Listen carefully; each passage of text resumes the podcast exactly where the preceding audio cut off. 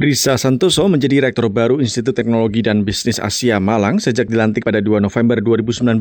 Perempuan berusia 27 tahun ini menjadi terkenal karena merupakan pemimpin perguruan tinggi termuda yang pernah ada di Indonesia. Menjadi rektor dalam usia terbilang muda menjadi tantangan tersendiri bagi Risa Santoso, terlebih harus memimpin para akademisi dan praktisi dunia pendidikan yang lebih senior atau yang usianya jauh lebih tua dari dirinya. Namun Risa percaya bahwa dunia pendidikan saat ini membutuhkan inovasi dan program-program baru supaya dapat bersaing dengan ribuan lembaga lembaga pendidikan tinggi lain di dalam dan luar negeri. Risa mengaku akan mengedepankan sistem kerja yang profesional dengan tetap meningkatkan komunikasi yang lebih baik dan transparan. Masukan dan umpan balik yang diberikan padanya, kata Risa, akan dapat menjadi bekal dan kekuatan untuk menutup kekurangan yang ada selama ini. Menyamakan visi, gimana caranya kita ini tahu kalau misalnya kita ini menuju hal yang sama. Jadi tujuan kita sama, kita memastikan bahwa kita semua sama-sama ingin membuat institut yang lebih baik. Gimana caranya kita ini menjadi sebuah sekolah dengan program terbaik dalam digital business. Jadi waktu itu kita menyamakan tujuan. Selain menjadikan Institut Teknologi dan Bisnis Asia ini sebagai salah satu perguruan tinggi pilihan dan mampu bersaing, Risa Santoso berkeinginan mendekatkan mahasiswa dengan dunia kerja sehingga mahasiswa lebih siap bekerja setelah lulus dari perguruan tinggi ini. Salah satu program yang digagasnya dan kemudian dinilai kontroversial adalah memberi pilihan bagi mahasiswa untuk menyelesaikan kuliah dengan syarat tugas akhir berupa skripsi atau proyek kegiatan. Rencana kebijakan mengganti skripsi dengan proyek kegiatan bertujuan untuk mendorong mahasiswa fokus pada tujuan akhir sebagai akademisi maupun sebagai wirausaha atau pebisnis sehingga tidak terkejut saat benar-benar terjun di dunia kerja. Risa Santoso yang lulusan University of California Berkeley serta Harvard Graduation School of Education Amerika mengatakan dunia pendidikan khususnya perguruan tinggi di Indonesia sejauh ini memiliki potensi yang baik untuk menjadi lebih maju. Namun tetap harus senantiasa memperbaiki kualitas pendidikannya agar mampu mengungguli perguruan tinggi di luar negeri. Hal ini perlu dilakukan karena persaingan industri 4.0